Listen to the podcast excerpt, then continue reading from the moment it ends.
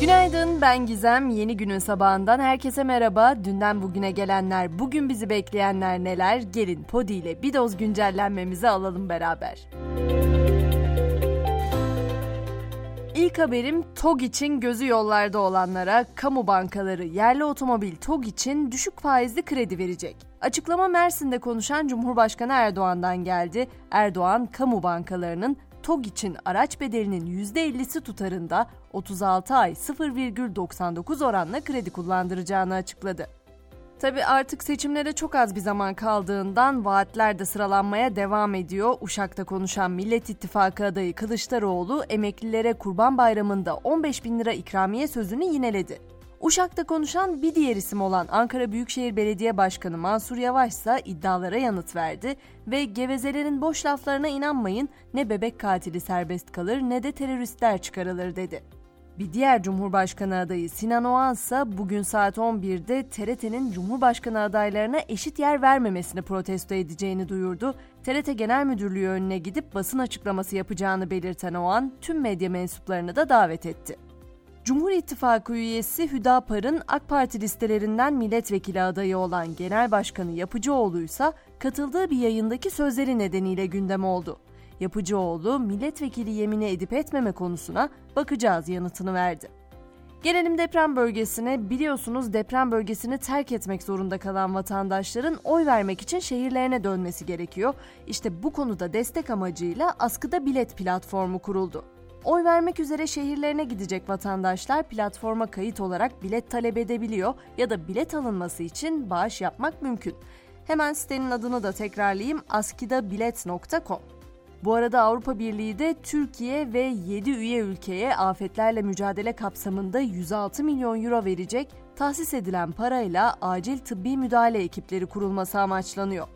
Bugün bir de önemli dava başlayacak. Gözümüz kulağımız Amasra'da 43 can alan maden faciası davasının ilk duruşmasında olacak. Davada 8'i tutuklu, 23 sanık yargılanacak. Dünyadaki yolculuğumuza ise Sudan'la başlayacağız. Taraflar ABD'nin arabuluculuğuyla ülke genelinde 72 saatlik ateşkes için anlaşmaya vardı. Anlaşmayı ABD Dışişleri Bakanı Blinken duyurdu. Ateşkesin insani koridor oluşturulması, sivillerin çatışma alanından çıkmaları, hastanelere ve güvenli bölgelere ulaşmaları ve diplomatik misyonların tahliye edilmesi için yapıldığı vurgulandı. Sudan'dan tahliyelerle ilgili son durumu ise Dışişleri Bakanı Çavuşoğlu duyurdu. Sudan'dan otobüslerle yola çıkan 1490 kişiden 640'ının Etiyopya'ya ulaştığı açıklandı.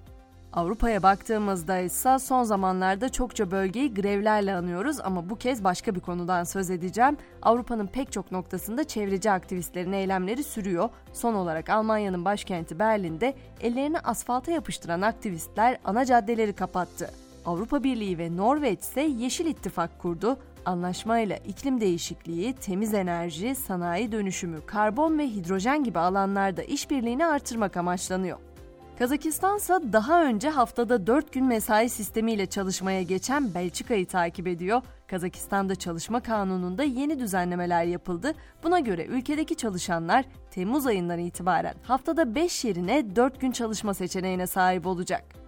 Rusya ise özellikle Batı'nın yaptırımlarına maruz kalmaya başladığından bu yana ulusal teknoloji sektörünü güçlendiriyor. Rusya'nın teknoloji alanındaki devlet şirketi Siber, ABD yapımı yapay zeka robotu ChatGPT'ye rakip olacak GigaChat adı verilen sohbet botunu geliştirdi. GigaChat sohbet edebilme, mesaj yazabilme, soruları yanıtlayabilme özelliklerine sahip, ayrıca kod yazabiliyor ve tanımlamalardan resimler oluşturabiliyor. Yapay zekanın artık el atmadığı alansa kalmadı. Dünyaca ünlü yapay zeka tahmin algoritma robotu Chat-AMG'nin ise 15 Mart tarihinde yaptığı Galatasaray maç tahminleri şu anda hatasız ilerliyor. Skor tahminlerinde ufak sorunlar var. Onda da yalnızca Alanya Spor'un golünü bilememiş duruyor. Spordan dün gecenin notunu da ekleyelim hemen. Fenerbahçe Süper Lig'in 31. haftasında iki kez öne geçtiği maçta İstanbul Spor'la 3-3 berabere kaldı. Zirve yarışında yara alan Sarı Lacivertliler lider Galatasaray'la puan farkını 4'e indirme fırsatını kaçırdı. Ve böylece güncellenin sonuna geldik. Bu sabahın mottosu Oscar Wilde'dan gelsin istedim. Yaşamak çok nadir rastlanan bir şeydir. Çoğu insan sadece var olur. Bugün yaşamayı seçelim olur mu? Akşam 18'de tekrar görüşmek üzere. Şimdilik hoşçakalın.